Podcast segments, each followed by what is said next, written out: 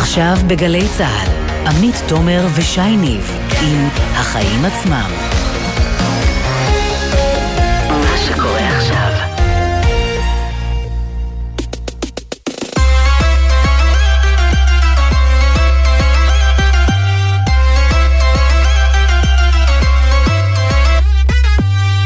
עכשיו, שש וארבע דקות, אתם על החיים עצמם, התוכנית הכלכלית-חברתית של גלי צה"ל. אני עמי תומר, ואפילו שיום שני, שי ניב איתי פה באולפן היום. מה העניינים, שי? איזה כיף, בסדר גמור, את יודעת, חוץ מהפקקים, כן, שככה, אה, דווקא ביום שהחלטתי לא להגיע ברכבת, נחשי אה, חוק מרפי קטן, אה, אבל חוץ מזה משתדל להיות אופטימי מהצעד החדש של משרד הכלכלה, ככה להעביר מוצרים נוספים לתקן בינלאומי, בתקווה... שיוזלו בקרוב. זה די הזוי אגב בעיניי שב-2022 אבקות כביסה או אפילו טמפונים שטובים לפי התקן לאזרחים ואזרחיות בארצות הברית או באיחוד האירופי לא מספיק טובים לנו כאן בישראל. לגמרי, אז בנושא הזה נדבר עם מי שמנסה לקדם את זה כבר תקופה ארוכה, מנכ"ל משרד הכלכלה רון מלכה, וננסה להבין מתי הצעד הזה יקרה, איך הוא ישפיע על הכיס שלנו, ואיך סוף סוף עכשיו, דווקא רגע לפני הבחירות, מתאפשרת ההקדמה הזאת אחרי ששמענו שמשרד הבריאות עומד על הרגליים האחוריות נגד המהלך. נדבר גם על השינויים בנוסח ההסכם בחקלאות ובקרב שהם יצרו, סערה בכוס מים, כמו שאומרים במשרד החקלאות, או טיוטה שמבזה את חקלאי לא פחות, לטענת החקלאים. הפער גדול. ננסה לגשר עליו. לגמרי, ונעסוק בעוד סיפור uh, מעניין. בבנק הפועלים מבקשים להעלות את שכר יושב הראש שלהם על אף המצב בשווקים, ובעיקר בניגוד לרוח ההנחיות של בנק ישראל. תכף נסביר מה קורה שם. ובנוסף לזה ניתן גם קפיצה לפקק שהתארך מתל אביב לחיפה, ולנפגעי האין רכבת, שספוילר, אתה ואני נמנים עליהם, נרחיב בהמשך. ולקראת סיום נדבר גם על המניה החדשה שמשגעת את שוק ההון, פפגאיה, שבימים האחרונים עולה לא ממש בגלל המוצר, הסיבה לא ברורה, ננסה בכל זאת להתחקות אחרי הסיפור המוזר הזה. טוב, אז יש לנו הרבה בשעה הקרובה. עמית, מה הכותרת שלך? אותי תפס היום קרב הענקים בין שופרסל לאוסם, שמלמד אותנו קצת על מי שולט במדף. שופרסל הודיעה בתחילת החודש לספקים שלה שהיא מתכוונת להעלות להם את העמלות על סידור המדף ועוד. ב-25 אחוזים, שם טענו ההוצאות שלנו עלו, אבל אנחנו לא רוצים להעלות את המחירים לצרכן, אז מישהו צריך לספוג את זה, ואלו יהיו חברות המזון והטואלטיקה, אבל דה פקטו סביר שהחברות הללו פשוט יגלגלו את ההתייקרות אלינו. אבל זה לא הסיפור. הסיפור היא מה קורה כשיצרנית מזון מספיק גדולה וחזקה כדי לא לשמוע בקולה של רשת המזון הגדולה בישראל, ונורית קדוש מפרסמת היום בכלכליסט שמי שעשתה את זה זאת אוסם. היא איימה שופרסל, תרדו מהדרישה שלכם או שנפסיק לספק לכם סחורה, והיא לא רק מאיימת, לפני שנה במסגרת סכסוך די דומה, היא ממש עשתה את זה. אז עכשיו, לפי הדיווח בשופרסל התקפלו, ולאוסם הם לא יעלו את המחיר.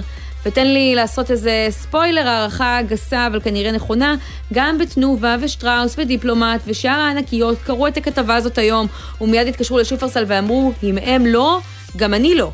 אבל האם זה אומר ששופרסל תוותר? לא נראה לי, כמו שקורה בדרך כלל, היא כנראה תפתור מההתייקרויות את היצרניות הגדולות, ותשית אותן רק על הקטנות. די, ש... לא יכול להיות, החלשים ישלמו יותר, נו באמת, תראה, מופתע, כן. אבל גם החלשים וגם אנחנו, כי זה אלו שמבקשות לעורר תחרות על המדף, אז ההוצאות שלהן יעלו, המחירים שלהן אולי יעלו גם מחיר לצרכן, וזה רק ייתן יותר לגיטימציה לגדולות להגיד, אין לנו ברירה, תראו, כולם עושים את זה, חייבים להעלות מחירים. אז זו הצצה מעניינת למה שקורה מאחורי הקלעים, לכאורה סכסוך עסקי, אבל בסוף כזה שכל אחד מאיתנו משלם עליו. בהחלט. טוב, תשמעי, כן. אני יודע שכבר דיברת כאן אתמול עם סמי פרץ על תשלומי ההורים לבית הספר שמתייקרים. אבל אני רוצה לגעת במשהו שהפריע לי סביב השיח הזה שמתנהל ביממה האחרונה תחת הכותרת חינוך חינם. Mm. כולם מתייחסים לזה שיש חינוך חינם, אבל בכל זאת הוא עולה לנו הרבה, ככה כולם אומרים. עכשיו, אני חושב שכאן מתחילה הבעיה. אנחנו מגדירים את זה כחינוך חינם. כאילו המדינה עושה לנו איזה ג'סטה ענקית ומספקת לנו שירות ללא תשלום.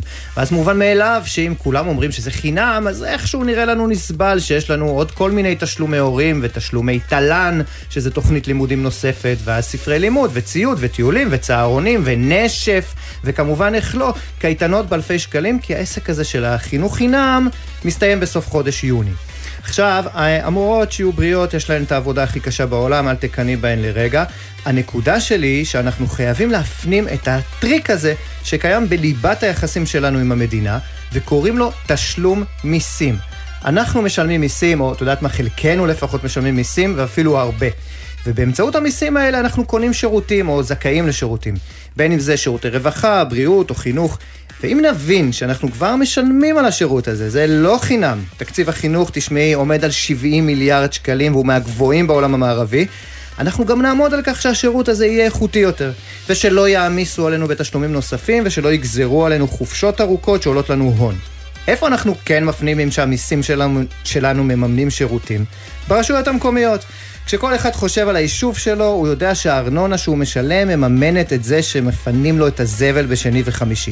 ואם לא פינו בטעות, אז תתקשרי למוקד של העירייה ותגידי, הלו חברים, לא פינו לי את הזבל היום. אבל חינוך... עושה את זה כל יום אגב. זהו, כן, תשמעי, אבל חינוך, רמת הלימודים בבית הספר של הילדים שלנו, שם אין לנו באמת כתובת. כי שם מספרים לנו שזה חינם. אז זהו, שלא. אנחנו לגמרי משלמים על זה. כן, אבל מה, שי, אתה אף פעם לא מתקשר למנהלת ובא בטענות? אבל אתה יודע, זה לא... ההורים שלי היו עושים את זה, אני חייבת להודות, לא, לא מעט, ב... אולי ב... יותר מדי. לגמרי, יש שיח עם המנהלת ועם המורים על כל מיני עניינים כאלה ואחרים, אבל בסוף זה לא על, לא על העניינים האלה, זה לא עניינים תקציביים, כן. ובסוף כן. נדמה לנו שכאילו... מספרים לנו לפחות שזה חינם, זה ממש לא ככה. אוקיי, יום אחד אני גם אגלה את זה כשיהיו לי ילדים. נתחיל? בקרוב, אינשאללה. עכשיו אתה באמת תשמע כמו ההורים שלי. טוב, אנחנו פותחים איך לא עם גל ההתייקרויות, ויממה אחרי שיאיר לפיד מאיים ומכריז מי שיעלה מחירים באופן חסר אחריות עלול לקום בבוקר ולמצוא את עצמו עם תחרות שהוא לא ציפה לה, באופן מקרי או שלא, משרד הכלכלה מודיע שהוא מזרז את הרפורמה אה, ביבוא, אה, השוואת התקינה אה, על מוצרים רבים לתקינה האירופית, זה אמור לעורר כאן עוד הרבה מאוד שחקנים, אבל זאת גם הקלה ליבואנים המקבילים. מזרז או מנסה לזרז, נשים איזה כוכבית קטנה, ותכף אה, נשאל פה את אה, דוקטור אה, רון מלכה, מנכ"ל משרד הכלכלה. הדוקטור רון מלכה, שלום. שלום, שלום עמית ושי. אז מקרי או לא הסמיכות הזאת להכרזה של לפיד? לא, תראו, אנחנו מרגע שהשקנו את רפורמת היבוא ויצרנו דרך, אמרנו שאת כל אותם תקנים שלוקח זמן לבדוק כי כמו שתמיד אמרנו, אנחנו מנסים לאזן בין הרצון מצד אחד להכניס כמה שיותר תקנים לרפורמה ולאפשר יבוא אה, על פי תקן בינלאומי, אבל מצד אחד, מצד שני, לא לפגוע בבריאות ובטיחות הציבור, אמרנו שאנחנו נמשיך לעבוד על התקנים, ועכשיו אנחנו, יש מספר תקנים שהשלמנו את העבודה, ואנחנו שמחים להכניס גם אותם לרפורמה. כשאנחנו מדברים על טמפונים, נוזל תקנים. כלים, רק נגיד למאזינים, אבקות כביסה, כן. אבקות למדיחי כלים אה, וקונדומים. אבל אני חייבת לשאול אותך, רון, אנחנו מדברים על זה, אני ואתה כבר שנים, על החשיבות אה, בדבר הזה, ועד עכשיו משרד הבריאות הוא זה שעמד על הרגליים האחוריות. היום אתם אומרים, אנחנו רק צריכים לפתוח את זה לשימוע, אבל אנחנו לא ממש צריכים את אישורם במוצרים האלה, אז למה זה לא קרה קודם? בחלק, בחלק מהמוצרים אנחנו כן צריכים אישור, ובחלק לא. כל התהליך הזה של הסרת רשמיות מתקנים הוא תהליך מוסדר בחוק. אז צריך לשמוע את כל הרגולטורים, לעשות את כל הבדיקות מעבדה שצריך, לראות אם יש תקן בינלאומי מתאים שאפשר לאמץ אותו, או רגולציה בינלאומית, ולאחר שאימצנו, לדעת שאנחנו יודעים לבדוק, שיש לנו מעבדות מוסמכות שיודעות לבדוק. ואם, רגע, ואם משרד הבריאות אומרים לך מחר בבוקר או מחרתיים, אה, לא, אנחנו לא מסכימים, אנחנו לא מוכנים, יש לנו הסתייגויות כאלה ואחרות, אתה מה, ממשיך הלאה? תראה, במסגרת הרפורמה, והעברנו את זה בחוק ההסדרים, הקמנו ועדה שיכולה לבחון ובעצם להפעיל מספר רגולטורים ולהפעיל שיקול דעת. אני אתן לכם דוגמה. Mm-hmm. למשל, כשהעלינו את נושא של אה, נורות ליבון, אז מרשות החשמל התנגדו, אמרו אה, להסרת הבדיקות, אמרו לא, אנחנו רוצים להשאיר את המצב על כנו שכל משלוח ייבדק אה, בנמל. אמרנו, יש לזה איזשהו תקדים בעולם? אמרו לא. אבל אנחנו עדיין אחראים לבטיחות הציבור ולא רוצים שאף אחד יתחשמל. שאלנו אותם, האם מישהו התחשמל עד היום עם נורת ליבון? אמרו, ככל הידוע לנו לא. אז בניגוד לעמדתם, החלטנו שאנחנו מסירים את המגבלה הזו. לכן אנחנו מתייעצים, שומעים, ככל שזה מניח את הדעת, אז אנחנו, ובאמת מדובר פה באיזשהו סיכון, אז אנחנו לא ניקח. אגב, רון, ש... ביקשנו גם את תגובת משרד הבריאות אה, למהלך הזה, אני חושבת שהם משחררים איזה עקיצה כלפיכם פה, הם אומרים משרד הבריאות, זו ממש תגובה שהגיעה בדקות האחרונות, שותף מלא לרפורמה ביבוא, שמטרתה להקל על הצרכנים, תוך שמירה על סטנדרטים שמטרתם להגן על בריאות הציבור. משרד הכלכלה מקדם לפי החלטתו תקנות לאחר קבלת חוות דעת מקצועית ממשרד הבריאות. לעתים אף בניגוד לדעתנו. הופה. נשמע שהם לא בעד. אני לא רואה, אני לא רואה בזה עקיצה, נכון, אנחנו מנהלים סיכון, שני סיכונים. מצד אחד את סיכון הבטיחות והבריאות, אבל מצד שני את הסיכון שאנחנו נשים חסמים מיותרים ליבוא שחונקים את התחרות ומעלים את יוקר המחיה. אז מה רגע, גיליתם פתאום שבמשרד הכלכלה יש את הסמכות לעשות את זה? למה לא עשיתם את זה שנים? או חודשים? זה משהו שהוועדה הזאת שדנה וממליצה ועדת מומחים, שאני עומד בראשותה, שדנה וממליצה לשרת הכלכלה, בעצם הוסדרה רק בראשון לאוגוסט, שהשקנו את רפורמת היבוא. בעצם תראו, כל השינוי שאנחנו עוברים עכשיו הוא שינוי של פרדיגמה. באה שרת כלכלה ואמרה, אני מוכנה לבחון את הדברים, אני מוכנה להפעיל שיקול דעת, אני מוכנה לנהל פה סיכון. שמה שלא היה קודם. יכול להיות אגב שזיהיתם אולי קצת איזושהי חולשה פוליטית בצד של אה, ניצן אה, הורוביץ, שר הבריאות, שהודיע על אה, פרישה לפחות מראשות מרץ? לא, לא, אין פה עניין של חולשה. אנחנו עובדים בתיאום על משרד הבריאות, ולא תמיד מסכימים, אבל אנחנו עובדים בשיתוף פעולה מלא, ויש הערכה הדדית. לפעמים גם בין ידידים ובין חברים ובין שותפים יש אי הסכמה. אנחנו יודעים על מה אנחנו מסכימים, ומסכימים על מה אנחנו לא מסכימים. כן, אני אגיד אה, לזכותכם שאני עוד זוכרת גם שאמרת פה בריאיון קודם אה, לפני שהוכרזו בחירות שאתם אה, מנסים, שאתה מנסה להקדים את הרפורמה הזאתי. באמת ככה, בוא נדבר רגע על החשיבות שלה. בכמה אתם צופים שזה יוזיל את המחיר הסופי בסוף, את המחיר לצרכן על המוצרים האלה, שבחלקם הפערים בין הארץ לעולם מגיעים למאות אחוזים? תראי, אין ספק שהרפורמה הזאת תוזיל את המחירים ביחס למה שהיה עלול להיות לולא הרפורמה. אבל בסופו של דבר מחיר של מוצר תלוי בהרבה מאוד גורמים שלא בשליטתנו, כמו למשל מחירי ההובלות, מחירי האנרגיה, ואנחנו מתבשרים עכשיו שגם מחירי ההובלות, גם מחירי האנרגיה מתחילים לרדת, אפילו מחירי החיטה יורדים. אז בסופו של דבר, ככל שירדו מחירי התשומות ונגביר את התחרות, אבל הנה, בינתיים רק מעלים מחירים היבואנים. שסטוביץ', דיפלומט, חוגלה קימברלי. הירידה של מחירי ההובלה והאנרגיה זה משהו חדש, הימים האחרונים. העלאת המחירים נובעת מעליית תשומות שקרתה עוד קודם. יש איזשהו אה, אה, עיכוב בתגובה של מחירים ביחס למחירי תשומות. אה, אני מניח שככל שהרפורמה תורחב, ואנחנו כבר רואים את זה, כבר רואים במוצרים שמיובאים מחו"ל, אני נתתי בזמנו דוגמה של אופניים, כי אני רוכב על אופניים, עשרות גמים חדשים שנכנסים עכשיו לארץ, שמתחרים על הכיס של הצרכנים. ואין לי ספק שבסגמנטים האלה, טלוויזיות, מאווררים, הרבה מוצרי חשמל, מוצרים לבית, שעכשיו מיובאים על פי תקן בינלאומי, אין לי ספק שפה אנחנו נראה... אבל תשמע, אתה יודע מה, עזוב טלוויזיות, אנחנו בחופש הגדול, ועכשיו הרבה מאוד אנשים מתחילים להתעניין בילקוט לבית הספר, לילדים, וגם בעניין הזה, ילקוט לבית ספר, יש תקן ייחודי היום בארץ, שמייקר, שוב, גם בעשרות ואולי מאות אחוזים את התיק, את הילקוט. אתה יכול להכריז פה שלפחות, תשמע, השנה כנראה זה כבר לא יקרה, אבל בשנה הבאה אפשר יהיה לקנות תיק בזול?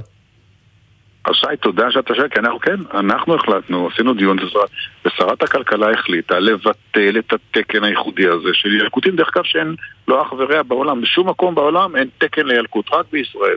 אז החלטנו לבטל אותו. וגם זה אבל ושלחנו... בכפוף לש... לשימוע, צריך לומר. אנחנו צריכים, כן, על פי חוק יש, אמרתי, התהליך הזה של ביטול של תקן מוסדר בחוק. אנחנו חייבים לשמוע את הרגולטורים.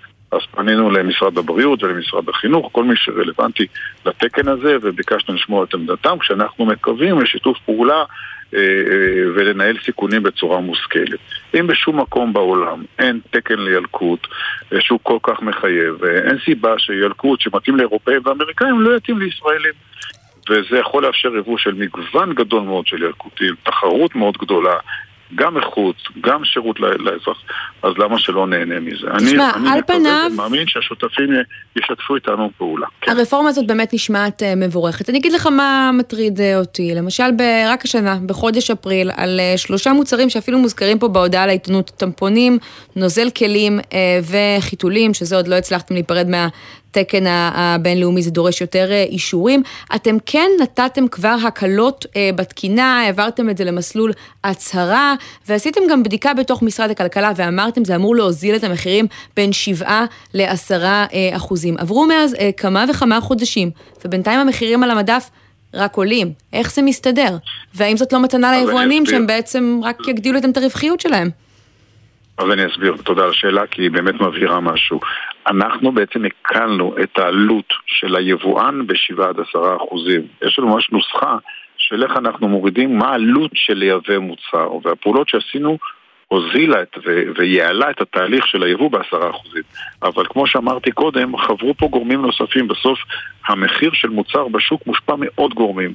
כן, אבל בוא, החיתולים לא הושפעו ממחיר החיטה הבינלאומית, אתה יודע. לא, אבל מהובלות, כן, למה? אבל מהובלה כן, ואנרגיה כן, ותשומות אחרות כן, יש התייקרויות רוחביות בכל התשומות. אז אתה מבין את דיפלומט וצ'סטוביץ' למשל שמעלות מחירים? כי הפוליטיקאים, גם אה, שרת הכלכלה, אנחנו שומעים מהם דברים אחרים. באירופה, כשאומרים שהאינפלציה באירופה זה עשרה אחוזים, זה גם חיתולים, ובארצות הברית תשעה אחוזים זה גם חיתולים. כן, אבל אתה יודע, כשמחירי השינוע בעולם אה, יופחתו, כן, אבל אנחנו הרי לא נראה אה, הוזלה של מחירים כשהיבואנים בסופו של דבר העניין הזה יתקזז. אבל מה אתה חושב, עליית המחירים של דיפלומט, צ'סטוביץ', חוגלה קימברלי, היא מוצדקת? מוצדקת? כי זה לא מה שאנחנו שומעים מהפוליטיקאים.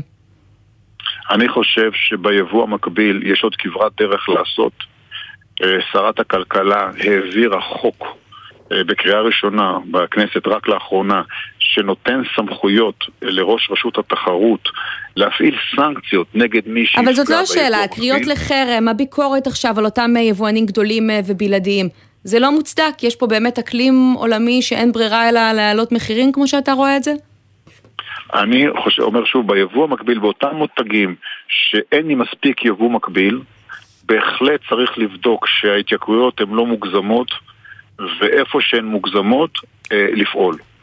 אה, יש יבואנים שבתחומים מסוימים הם אה, מונופולים, כי הם שולטים ב-70, 80, 90 אחוז מהמוצר בשוק. Mm-hmm. איכשהו, מסיבות שונות, מכל מיני חסמים, שאנחנו עכשיו מנסים לפרק אותם, במלחמה בלתי מתפשרת. החוק שדיברתי עליו הוא אחד הדברים, אבל יש עוד תקנות שאנחנו מוצאים כדי לאפשר יבוא מקביל, אבל איפה שאין עדיין יבוא מקביל, בהחלט צריך לפקח ולוודא שהמחירים לא מוגזמים, ואם יהיו מוגזמים אז צריך לפעול בכל דרך כדי להגדיל את התחרות ולהוריד את המחירים. אוקיי, okay, עוד עניין אחד שקשור ליוקר המחיה, אה, לסיום מחירי הלחם, עוד אה, דבר שבעצם הבטחתם אה, בתחילה שהמחיר לא יעלה ולא יצא מפיקוח, הבנתם שאין לכם ברירה, עכשיו מנסים להגיע עם המאפיות על עלייה הדרגתית עד להוצאה מפיקוח. מה הסיכוי שתגיעו להסכם כזה עם המאפיות, והאם אתה חושב שהוא הסכם נכון, כי זה קצת הפוך מכל מה שדיברתם עליו. אני, אני חושב שאנחנו נגיע להסכם, אז זה שלבים מתקדמים מאוד של משא ומתן שמשרד האוצר מוביל להנחיית ראש הממשלה. הסכם עם המאפיות שיוותרו על חלק מההתייקרות. כן, הכוונה היא להוריד ככל האפשר את אה, שיעור ההתייקרות. זו הכוונה. אוקיי, רון מלכה, מנכ"ל משרד הכלכלה והתעשייה, תודה רבה ששוחחת איתנו. תודה רבה לכם, ערב טוב.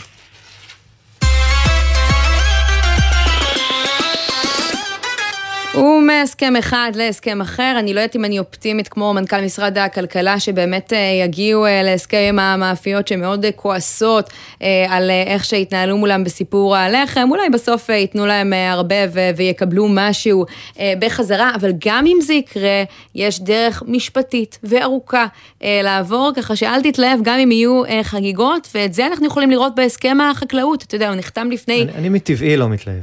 אוקיי, נכון, אבל הוא נחתם לפני אה, מספר אה, שבועות, אה, הייתה באמת חגיגה גדולה, הודעות לעיתונות, המכסים ירדו פה על פני חמש שנים, והנה היום נדמה שהחקלאים על סף לפוצץ את ההסכם, דיברנו כבר ביום רביעי האחרון, אני ואתה על ככה סדקים בסיפור הזה, ועכשיו הם אומרים בצורה מאוד מאוד חריפה. כלומר, ש...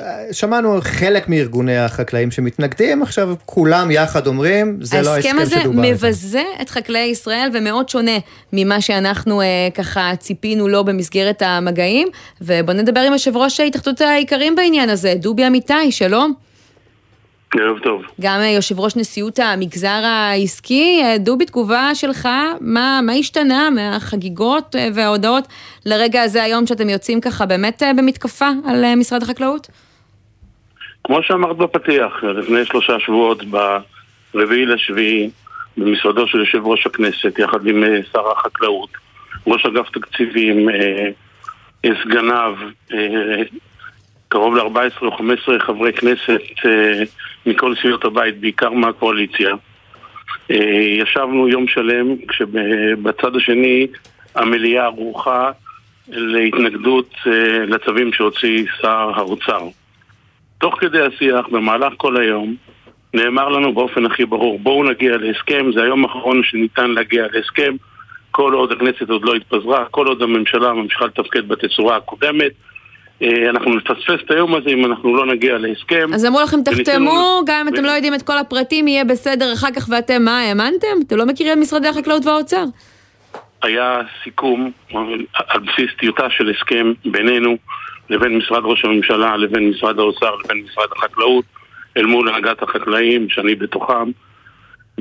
והטיוטת הסכם הזאת, אה, לחצנו ידיים באותו ערב, לאחר באמת משא ומתן ארוך עם מגשר שנכנס ממשרד ראש הממשלה אחרי תקופה ארוכה, וכולנו חושבים ומאמינים שבסופו של יום אנחנו צריכים לעבור מהגנה של מכסים לתמיכה מישירה, לתת לחקלאים את הוודאות, לתת לחקלאים את הכלים להיות תחרותיים.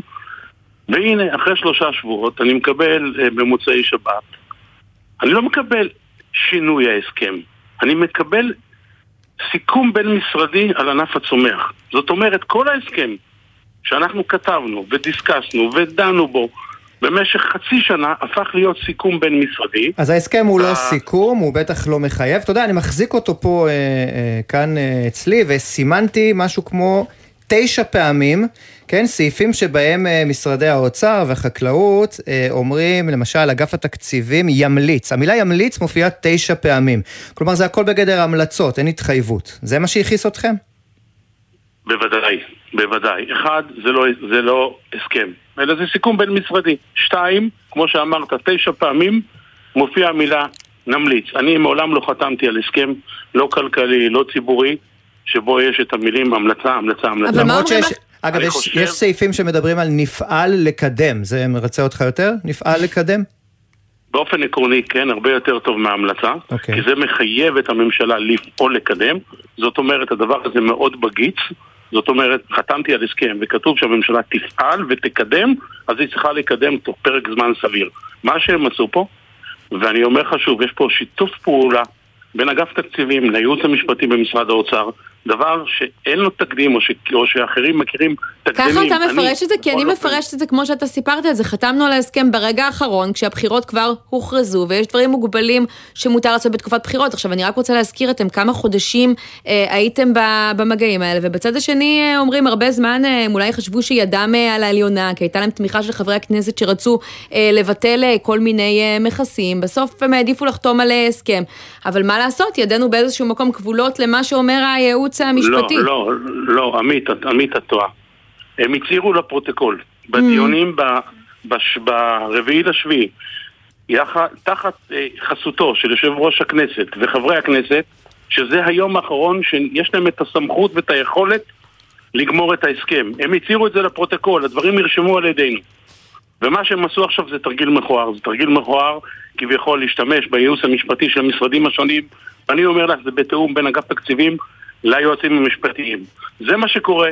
בתקופה שאין משילות, זה מה שהם מרשים לעצמם לעשות. מנצלים את המצב, שבעיניי לא, מקוב, לא, לא מקובלים, לא רק בכובע שלי כנשיא התאחדות האיכרים, אלא בכובע שלי שמי שמייצג את המגזר העסקי באלפי עסקאות מול המדינה. למרות, תשמע, מתנהלים... אתה יודע, במשרד החקלאות אומרים מדובר בסערה בחוס מים, משרד החקלאות יתחייב ויעמוד, בה, ויעמוד בהתחייבויותיו. משרד, משרד החקלאות יודע בדיוק על מה אני מדבר. מלמטה עד למעלה. כולם יודעים על מה אני מדבר. פה נעשה תרגיל, ואני אומר לך, שר האוצר לא ראה את הטיוטה הזאת, ואני מתכוון להיפגש איתו בימים הקרובים. דיברת איתו? אם הוא היה רואה את הטיוטה הזאת, לא, אני אפגש איתו. אוקיי. זה לא לשיחת טלפון, זה לפגישה בארבע עיניים, אולי בשש עיניים עם שר החקלאות, mm. לבוא ולשים את הדברים באופן הכי ברור. אז מה, הייתה פה איזה אינתיפאדה של פקידים? זה מה שאתה אומר? חד וחלק, חד וחלק, התשובה היא כן. לא הייתה כוונה, לא, לא ניהלו משא ומתן בתום לב, הם שיחקו בכלים שלא ראויים כמדינה. אני מתבייש שמדינה מתנהגת בצורה כזאת, שאני נמצא בהסכם שנשלח למשרד ראש הממשלה על ידי, על ידי אישית, לאחר שגיבשנו עם המגשר, עם כל הגורמים בלי יוצא מן הכלל, עם יושב ראש הכנסת, עם, עם חברי הכנסת, כן. כולם היו נוכחים בחדר, אתה יודע מה, עוד דבר אני רוצה להגיד לך. לא, לא, אבל אנחנו, תראה, אנחנו לא חייבים לסיים, ואני רוצה, אני, אני מחזיק את ההסכם, יש פה משהו אה, ככה מעניין, אני מסתכל על סעיף אה, מספר 10. ואני רואה, זה אמנם מצוי בבחינה משפטית, אבל כתוב ניכוי חודשי משכר העובדים הזרים, כן? גורמי המקצוע במשרד ראש הממשלה, משרד החקלאות ופיתוח הכפר ומשרד האוצר, יפעלו מול המשרדים הממשלתיים הרלוונטיים לקידום תקנות להעלאה משמעותית של הסכומים המותרים בניכוי משכר העבודה החודשי של עובד זר בענף החקלאות. כלומר, אתם תוכלו לקחת יותר משכרם של העובדים הזרים. למה? לא, מדובר פה ב... אה, סעיף 25א אה, לחוק הגנת השכר, ברגע כן. שעובד, לא משנה אם הוא זר או ישראלי, מבקש שתעמיד לרשותו אה, מגורים, מותר לך לנקות עד 25% אז אתה תנקה יותר על סעיף אני המגורים. אני אנקה על פי חוק, אני אתאים את החוק, את החוק אשר מקנה לעובדים ישראלים לעובדים זרים. אני לא הולך לפגוע חלילה בעובדים זרים. מה שמותר לי לנקות היום מעובד ישראלי ככל שהוא הסכים, זה קרוב ל-1,400 שקל, והיום בעובדים זרים אני מנקה 530 שקל, שזה לא מביא לידי ביטוי את ההוצאות האמיתיות של החקלאים. הבנתי, אפשר להתווכח על זה. אז אה, דובי אמיתי, אנחנו נמשיך אה, לעקוב, מעניין מאוד מה יהיה בפגישה שלך אה, עם שר האוצר. תודה רבה בינתיים ששוחחת איתנו. תודה רבה לכם. כמה תשדירים, ואנחנו מיד חוזרים עם עוד סיפורים.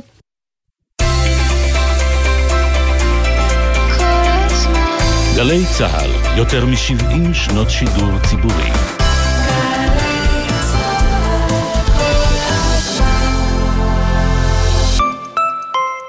מגוון הזדמנויות מחכות לכם באקדמית אחווה, במגוון מסלולים לתואר ראשון ושני. יום פתוח באקדמית אחווה, 27 ו-28 ביולי. האקדמית אחווה, אין ספור הזדמנויות להגשים חלומות. לפרטים כוכבית 3622. נהגות ונהגים יקרים, שימו לב, בימים אלו ולמשך חודשים מספר, תבוצענה עבודות בטיחות ושדרוג במחלף פולג בנתניה לרווחת משתמשי הדרך. במהלך העבודות יחולו שינויים זמניים בהסדרי התנועה באזור. מומלץ להיעזר ביישומוני הניווט. למידע נוסף חייגו 106 לעיריית נתניה או כוכבית 8541 נתיבי איילון. אה, קטורזה, מה קורה? אני מקווה שאתה לא שוכח למחזר. מנסה, דדי, אבל זה מבלבל המחזור הזה. מה הולך לאיזה פח? נניח שם פושקדים. זה טואלטיקה? זה, זה פיצוחים? בן אדם היום בשביל לזרוק לפח צריך חמש יחידות פחחות. מהיום, על האריזות שהולכות לפח הכתום, יש סימון מיוחד. לישראל נגמרו התירוצים. חפשו את סמלי המחזור על האריזות ותדעו בדיוק מה הולך לאיזה פח. תמחזרו, זה מה שעושים היום. תמיר, חברה לתועלת הציבור. תיקנים, נמלים, הדברה, רק אם אין ברירה. אבל קודם חשוב לזכור, החוק אוסר להדביר לצורך מניעה. מדבירים רק אם זוהו מזיקים ולא הועילו אמצעים אחרים. הזמנתם הדברה? לפני ההדברה, על המדביר לתת מידע על התכשיר ועל הסיכונים, ובסיומה להגיש יומן ביצוע מפורט. למידע נוסף, היכנסו לאתר המשרד להגנת הסביבה. קיץ במוזיאון אגם ראשון לציון. סיורים מודרכים, סדנאות קינטיות לילדים, אירועי תרבות ותערוכה חדשה. שומעים את הצבעים. מוזיאון אגם, פרטים באתר ובפייסבוק. סטודנט בן 23 עולה לאוטובוס מאשדוד לחיפה. באותה השעה אישה בת 67 עולה לנסיעה בתוך תל אביב. כמה זמן הם יצטרכו כדי להבין את הרפורמה של משרד התחבורה? כדאי שהרפורמה החדשה לא תישמע לכם כמו תרגיל במתמטיקה. יהיה בסדר. ברביעי, נציגי משרד התחבורה מתייצבים ב"יהיה בסדר" לענות על שאלותיכם לקראת הרפורמה החדשה. יש לכם שאלה? כתבו לנו בעמוד הפייסבוק "יהיה בסדר" בגל"צ או בדואר האלקטרוני אוקיי, כרוכית glz.co.il. רביעי, שלוש בצהריים, גלי צה"ל. עכשיו בגלי צה"ל, עמית תומר ושי ניב עם החיים עצמם. חזרנו, ועכשיו אנחנו uh, לסיפור uh, הבא. בבנק הפועלים מבקשים להעלות את השכר של יושב uh, הראש uh, של uh, הבנק, למרות שאנחנו חווים עכשיו ירידות בשווקים, ולא בטוח שמצבו הפיננסי של הבנק, שנזכיר, ויתר על חלוקת דיבידנדים לבעלי המניות שלו uh, רק בדוחות הכספיים uh, האחרונים של שנת uh, 2021, uh, מספיק טוב כדי לאפשר uh, העלאת uh, שכר כזאתי. וזה גם צריך לומר, לא, לא עולה בקנה אחד עם ההנחיות האחרונות של uh, בנק... בנק ישראל, שכיוון לכיוון ההפוך אגב, לקצץ בשכר יושב ראש הבנקים. כן, אז איתנו בעל מניות בבנק הפועלים, שהוא גם יושב ראש עמותת צדק פיננסי, שלא אהב את ההחלטה הזאת ועכשיו עותר נגדה, דוקטור הראל פרימק, שלום. שלום, ערב טוב. איך התבשרת בעצם על העלאת שכר הזאת של יושב ראש בנק הפועלים, יושב ראש הדירקטוריון?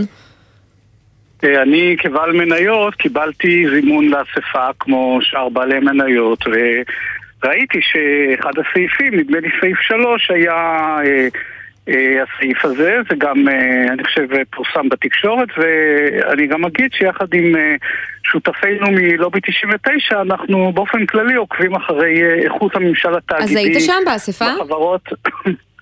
כן, כן, תתקיים אספה ב-11 באוגוסט, אספה שנתית, שאחד מהסעיפים שלה זה העלאה ב-540 אלף שקלים לשנה של שכר היושב ראש. כלומר זאת טעון את האישור של בעלי המניות, זה עדיין לא החלטה סופית, אתה תתנגד, השאלה כמה מחבריך נכון. יצטרפו אליך. אה, כן, שאלה טובה. אני רק מזכיר שחלק גדול ממניות הבנק הם בידי הציבור, אם באופן ישיר, ואם, באופן, ואם דרך המוסדים, שזה אומר הפנסיות שלנו, כאשר אה, מוסדיים גדולים שיש להם החזקות שם זה אלטשולר שחם, הראל, כלל והפניקס וגם מיטב, שאני מקווה שיצטרפו אלינו בהתנגדות. תשמע, אתה מזכיר, סליחה, אתה מזכיר שהשכר שלו עולה ב-540 אלף שקל אה, בשנה, מה שיביא את השכר שלו אגב ל-2 מיליון ו-900 אלף שקלים. שי, זה מה שרציתי לשאול את הראל, תראה מה זה. 940, כן. אבל אתה יודע, רק ביום רביעי אני הזכרתי פה ככה נשכחות את שכרו של אה, יושב ראש בנק הפועלים המיתולוגי לפני עשור, שלמה נחמה. כמה שהרוויח 23 אה, מיליון שקל אה, בשנה, לפחות בשנת 2005, לפעמים הוא הרוויח 11 מיליון שקל. אז מה, זה כסף קטן, למה אתה מתקטנן? אז תראה, קודם כל אה, מאז עבר חוק שכר הבכירים שבעצם עשה שינוי, מהפכה בנושא הזה, כשההיגיון של שכר הבכירים בין השאר אומר שבנק הוא לא לגמרי מוסד פרטי, אלא יש לו גם היבטים ציבוריים, הוא מה שנקרא גוף דו-מהותי מבחינה משפטית. אה, לא, לא נעמיק בזה, אבל, אבל בוא רגע נחשוב על העניין שחלק גדול מהמודל העסקי של חברה מודרנית זה המדינה. לדוגמה, נושא צמצום השימוש במזומן והעובדה אה, שכשמישהו, מישהו מקבלים קצבה מביטוח לאומי, הוא לא הולך ואוסף מזומן, אלא הוא חייב שיהיה לו, לא עולה חשבון בנק. אז, אז בגלל הדברים האלה ועוד דברים אחרים, כמובן התמיכה של בנק ישראל, העובדה שכשבנקים קורסים המדינה מחלצת, לכן בנק איננו עסק רגיל, עבר לא. חוק הבכירים, ואנחנו עכשיו בעידן חדש. של חוק הבכירים. מה שהיה היה, אה, ואנחנו כן. צריכים להסתכל קדימה. וגם ההעלאה הזאת היא כן במסגרת המותר בחוק הבכירים, ותשמע, הרי בדירקטוריון הם אומרים שהם אה, סבורים אה, בתגובה שתנאי הכהונה של יושב ראש הדירקטוריון סבירים, הוגנים ומקובלים, והם נקבעו בהתחשב בגודל של הבנק בשוק הבנקאות בישראל ובמורכבות התפקיד של יושב ראש הדירקטוריון. אז אולי בעצם, אתה יודע, לקחו פה איזה בן אדם שמביא את הכסף שלך כבעל מניות ושל הלקוחות למקסימום, וזה מאוד חשוב שהוא אה, יהיה שם, ואתה יודע, אם יבוא מישהו טוב פחות, גם בפחות שכר, אז אתם לא תצאו מכך נשכרים. אוקיי, okay, אז קודם כל ללא ספק ש, שהבנקים, כמו גם חברות ציבוריות אחרות, אה, צריכי, צריכות שיהיו בהם אנשים ראויים, אבל תראי, מה שציטטת זה, זה מילים, מילים אמנם מאוד יפות, אבל בואי נסתכל במספרים, קצת מספרים, אוקיי? Mm-hmm. אז אנחנו מדברים על העלאה של 22 אה, אה, אחוז, כאשר הבנק עצמו הודיע על עצירת דיבידנדים לבעלי המניות, צריך להבין שהכסף הזה יבוא מבעלי המניות. זאת אומרת מהפנסיות שלנו, אוקיי? בגלל אי הוודאות בשווקים הגלובליים. עכשיו, אם השווקים הגלובליים רועדים, ואם לא מחלקים דיבידנדים כי עלולה להיות אה, אה, סכנה ליציבות הבנק או כל דבר אחר, אז מה פתאום נותנים עוד כסף ליושב ראש? איזה סיגנל זה? זה משדר. עכשיו, אמר דבר נוסף, שהוא על פניו נשמע מאוד ראוי. היושב ראש הוא המנהיג של הבנק, ובואי נסתכל על ההישגים שלו. Oh. אז בשנה האחרונה מניית הבנק עלתה ב-11.6%, אבל מדד הבנקים, זאת אומרת הבנקים האחרים עלו ב-22%. זאת אומרת, מי שהשקיע בבנק הפועלים הוא ביחס למגזר הבנקאי בחסר. זאת, זאת אומרת שהיית צריך להיות בעל מניות בבנק לאומי אולי. בסדר, אז תשמע, אתה יודע, יש לי, יש לי עוד... עוד השקעות, אבל ספציפית אנחנו כרגע מתייחסים להשקעה בבנק הפועלים. ההשקעה בבנק הפועלים לא הייתה השקעה זהירה בשנה האחרונה ביחס למגזר הבנקאות כולו, ואנחנו שואלים למה, למה לאור העניין הזה צריך להעלות את uh, שכרו של כן. היושב ראש. אני רוצה גם להגיד עוד משהו על הצמדה למדד.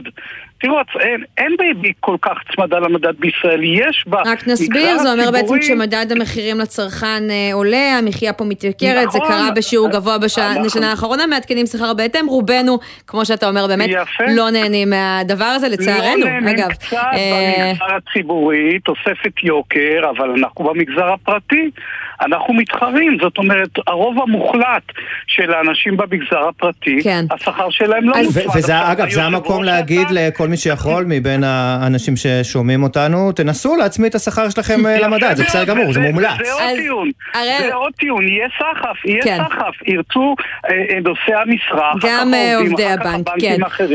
אז אראל, אני רוצה לשאול אותך לא? לסיום שאלה כיושב ראש עמותת צדק פיננסי, אתה מכיר הרבה מקרים כאלה, מה הסיכוי שבעלי המניות יצליחו לעצור את זה, בכמה מקרים זה קורה ובכמה מקרים אספות המניות האלה הם חותמת גומי? אז תראי, אנחנו עושים ככל יכולתנו לשכנע בדרכים כאלה ואחרות בעלי מניות משמעותיים אה, אחרים, אם, אם באמצעים ישירים ואם לא באמצעים ישירים. אני, אני יכול להגיד שבעבר היו אספות שנתבקשו לאשר אה, מינויים למיניהם, שנראו לנו פחות ראויים, וקשה לי לדעת את מי שכנעתי או לא, או את מי אנחנו, יחד עם שותפינו בלובי 99, שכנענו או לא, אבל המינויים האלה לא עברו. אז, אז אני, אני, אני נותר אופטימי עד נגלה ב-11 באוגוסט. אז נהיה אופטימי איתך, ובגלל זה אנחנו מציפים את הנושא הזה, כי אנחנו לא חושבים שבעלי מניות אה, צריכים להיות חותמת גומי, זה הכסף שלכם, תדאגו לו אם אתם כבר משקיעים אותו בשוק ההון. דוקטור אראל פרימק, אה, יושב ראש עמותת צדק פיננסי, תודה רבה שדיברת איתנו. תודה וערב טוב לכם להתראות.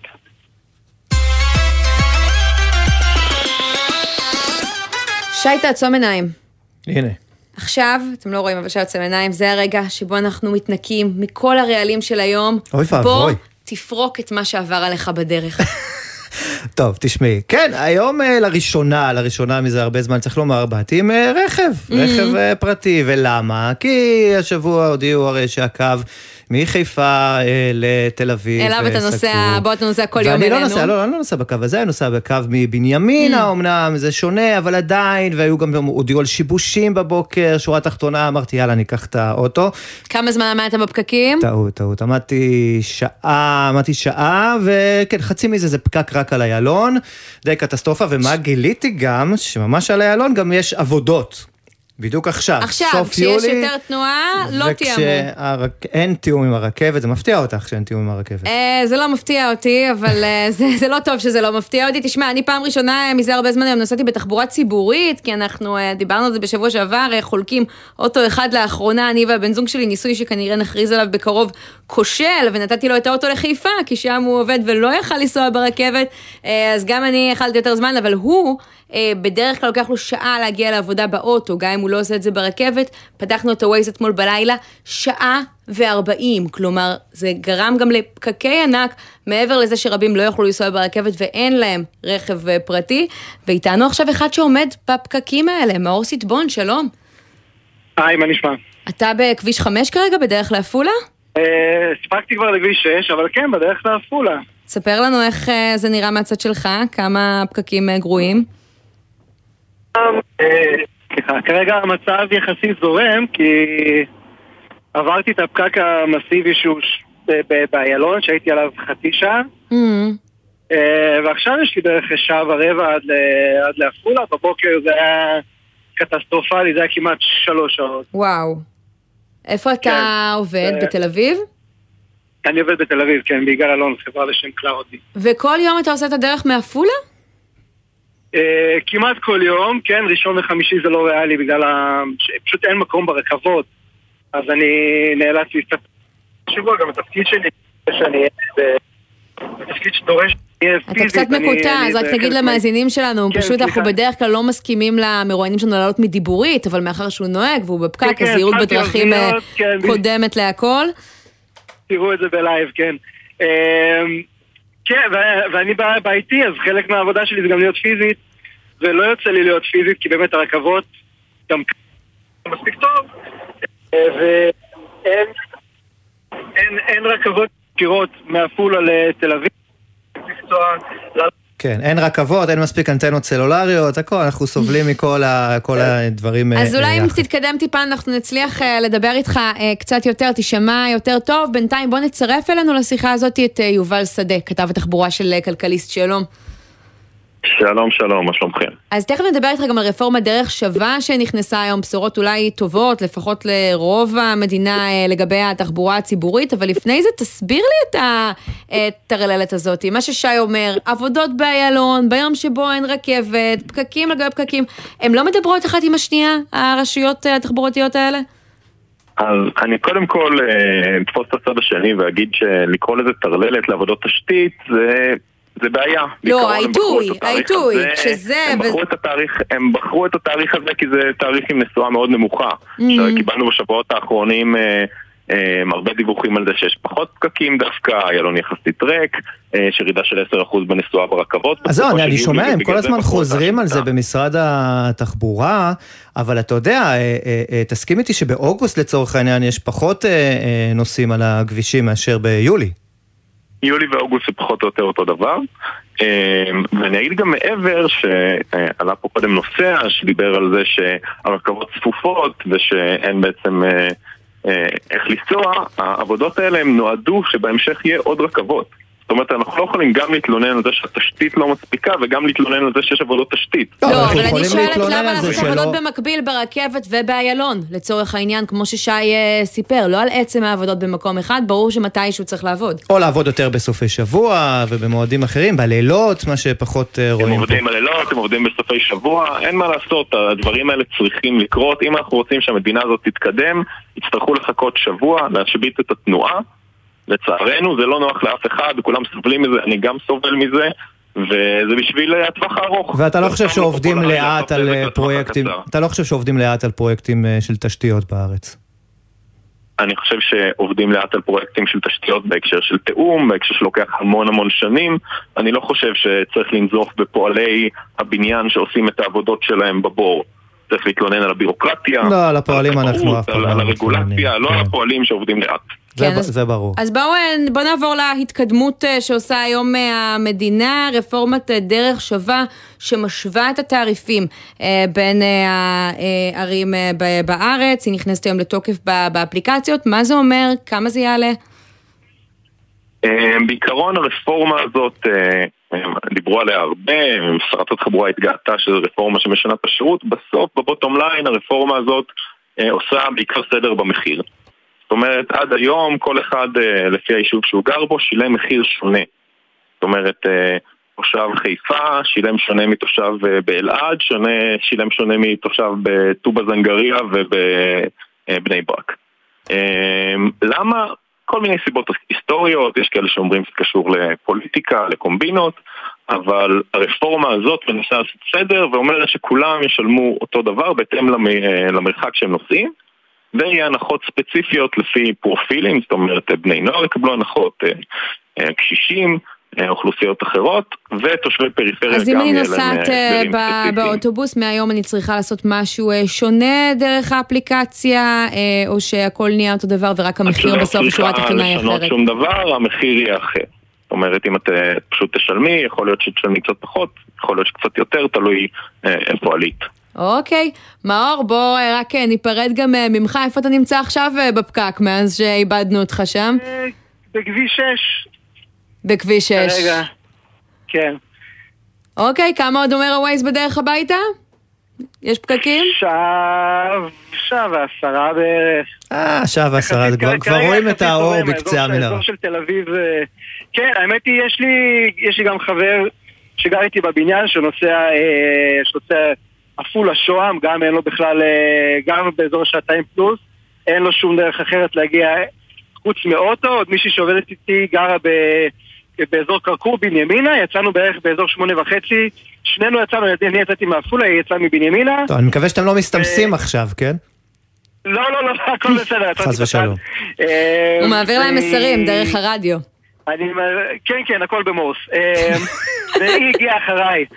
אמ, אז כן, אז המצב קטסטרופלי גם עם הרכבים, כמובן עם הפקקים. אה, ובאופן שוטף, ההתנהלות שם לא, לא אידיאלית. אוקיי. אז אה, מאור אה, סידמון, כן. נשחרר אותך לפרלמנט הווייז, וגם יובל שדה, תודה רבה ששוחחתם איתנו שניכם. תודה. תודה לכם.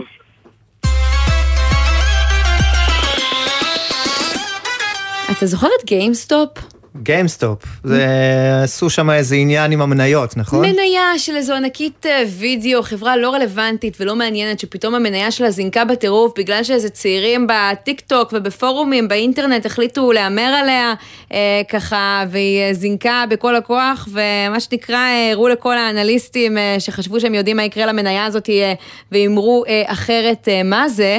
אז אה, זה סיפור אה, שהיה והוא אה, זכור, אבל עכשיו בשוק ההון אנחנו רואים עוד מניה. שמזנקת ללא סיבה נראית לעין, מניה של חברת פגאיה, וכדי להבין מה החברה הזאת עשתה, והאם יש כאן מין שידור חוזר, אנחנו רוצים לדבר עם אה, יניב רחימי, שלום. שלום, ערב טוב. עיתונאי ואנליסט, בעל הפודקאסט עיתונליסט. מה, מה, במה פגאיה מתעסקת? ספר לנו קודם כל. אה, קודם כל, פגאיה, בניגוד למניה שלה, שהיא נראית ממש כמו אה, משחק לילדים, פגאיה היא חברה אמיתית, זאת, זאת חברת פינטק.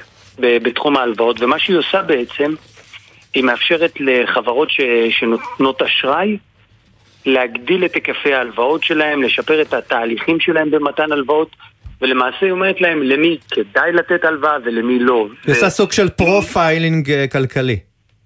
לגמרי, ובכלכלית זה נקרא חיתום.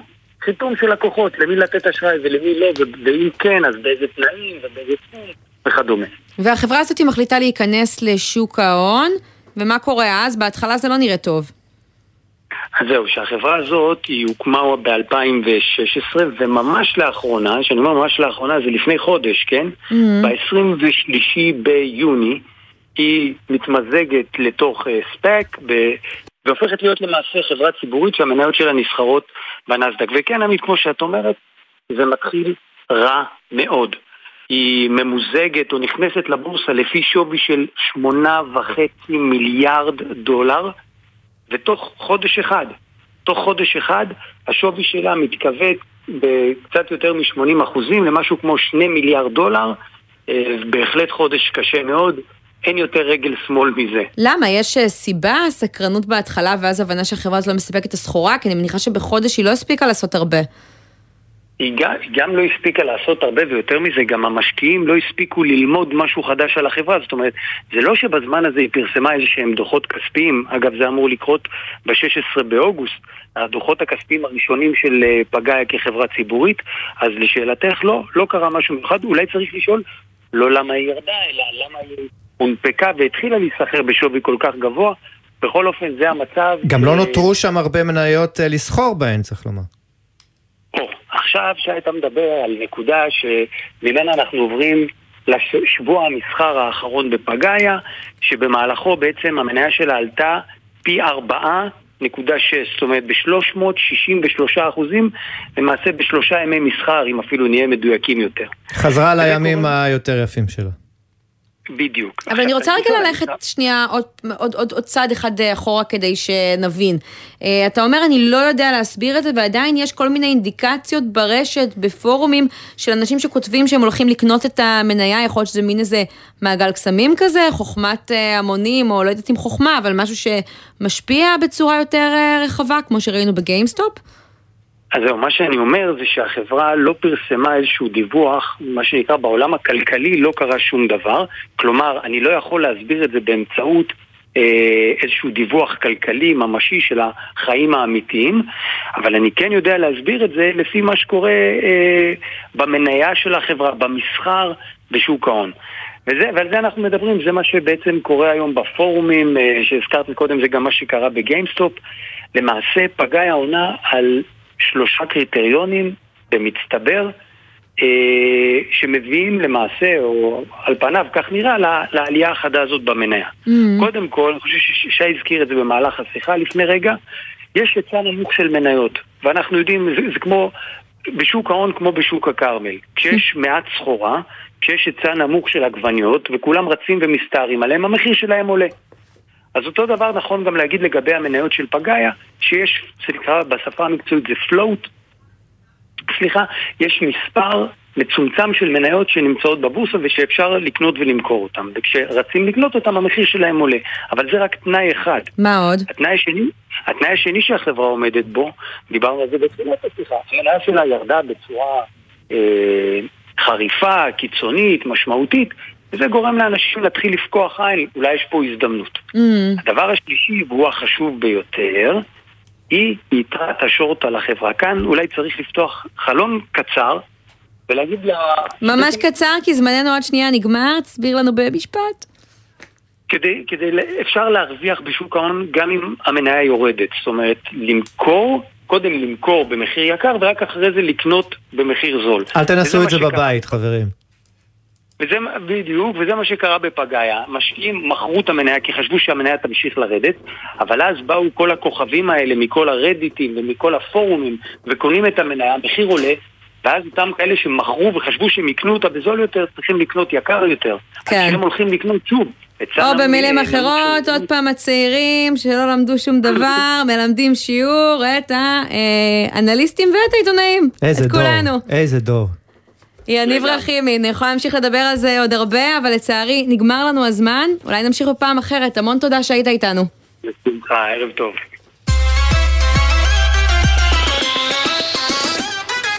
ואנחנו מסיימים עם ההסתבכות של אילון מאסק, מנכ"ל טסלה, שהעדויות בנוגע לרומן שלו עם בת זוג של מייסד גוגל פורסמו רק לפני כמה ימים, וכבר הספיקו לגרום לגירושין ולשרשרת תגובות. עכשיו זה רכילותי. זה צהוב, אבל יש לזה גם זווית עסקית שלפעמים שווה הרבה מאוד כסף. כתבת החוץ שחר קנטובסקי, לא מדובר במקרה הראשון מהסוג הזה בצמרת הכלכלית, ואפשר אולי ללמוד מזה על ההשלכות שעלולות להגיע למקרה הזה. נכון מאוד, אז נתחיל קודם כל באמת בקצת רקע לסיפור הנוכחי. לפי הפרסום בוול סטריט ג'ורנל, מאסק ניהל בשנה שעברה מערכת יחסים עם ניקול שנהן, בת הזוג של חברו, המייסד השותף בגוגל, סרגי ברין. כאמור, היום הגיב מאסק לראשונה והכחיש את הטענות, מה שלא עזר לבני הזוג ברין שנהן. סרגי הגיש, הגיש בקשת גירושין די מהר אחרי הפרסום. כאמור, לא מדובר בהסתבכות הראשונה מהסוג הזה, מקרה דומה, אנחנו זוכרים גם עם מנכ"ל אמזון ג'פרי בזוס, בשנת 2019, שהתברר שהגירושים שלו מאשתו הגיעו בעקבות חשיפת הודעות מתוך רומן שהוא ניהל על פי הטענות עם מגישת החדשות לורן סנצ'ז. אני זוכרת את זה. אז, אז כמה זה משפיע אבל ברמה העסקית על חברות ענק מעבר לסיפורים האלה שכולנו נהנים להציץ לחיים של המיליארדרים האלה? כן, נכון, אז ברמה הרכילותית זה באמת מעניין, אבל אם אנחנו עוסקים באמת בדליפת הודעות שסיבכו טייקונים חשובים, יש גם סיפורים שממש השפיעו ופגעו ואפילו סיכנו אנשים חשובים. אי אפשר שלא לדבר על מסמכי אובר שנחשפו בתחילת החודש, שמעבר לכשלים החמורים בהתנהלות של החברה, הם חשפו גם שיחות מטרידות של מנכ"ל החברה דאז, טרוויס קלניק, בנוגע לעידוד אלימות מצד נהגי החברה כשהם חוו אלימות בעצמם. Mm-hmm. זה אומנם לא כל כך תקין פוליטית להגיד שיש משהו מנחם בסיפורים האלה על צרות של עשירים, אבל חשוב לזכור שבסוף האנשים האלה הם אלה שקובעים כן. את סדר היום של זה כולם. זה מנחם, זה מנחם לגמרי, חברים. טוב, נגמרנו הזמן. שבוע הבא, מחר, אולי נספר לכם את הסיפור של גוצ'י. בינתיים נגיד תודה לעורך שלנו, בן נצר, למפיקים, תומר ברקאי ונועה ברנס, אביתר ברון, על הדיגיטל, על הביצוע הטכני, אורי ריב. נורית קנטי כאן מיד אחרינו עם 360 ביום. שי ניב, תודה רבה. תודה עמית, סמי פרץ יהיה פה מחר. כן, ואני אתן לכם ספוילר אחד בסיפור של גוצ'י, כולם מתו בסוף. אאוץ'. ביי ביי. כמעט. בחסות אנשור פלוס אדוונס, המסייע לשמירה על הכוח וההגנה הטבעית. אנשור פלוס אדוונס, שאלו את הרופא או את הדיאטן. בחסות מחסני חשמל, המשווקת מזגנים עיליים, מזגנים מיני מרכזיים, מזגנים ניידים, ומעניקה חמש שנות אחריות על התקנת מזגנים. בחסות אוטודיפו, המציעה מצברי שנאפ לרכב כולל התקנה חינם עד תשע בערב. כי קשה להניע את היום אחרי שהרכב לא מתניע בחנייה. אוטודיפו. גלי צה"ל, יותר מ-70 שנות שידור ציבורי.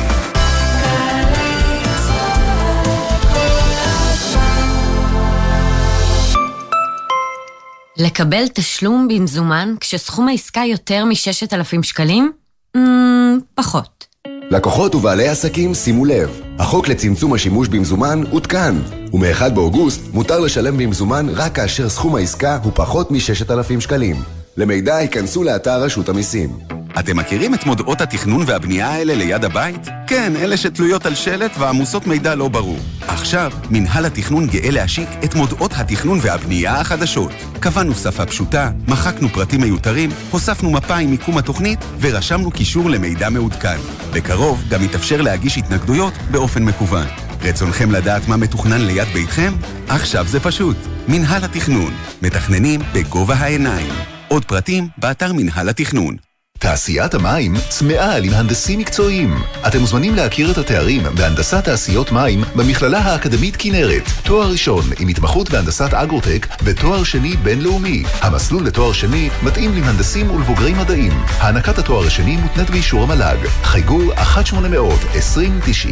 האקדמית כנרת, הנדסה חברה ורוח. חוזקים עוד כשנכתבות השורות ומתחילות החזרות. כשמכוונים את הכלים, פסנתר, בס, כינורות, השחקנים נושמים עמוק והרקדניות במתיחות. כשהמצלמות מצלמות וכולם ישובים בכיסאות, זה מרגש. משרד התרבות והספורט מזמין אתכם להגיע להתרגש מכל מה שיש לתרבות הישראלית להציע. תרבות ישראלית, כל הסיבות להתרגש.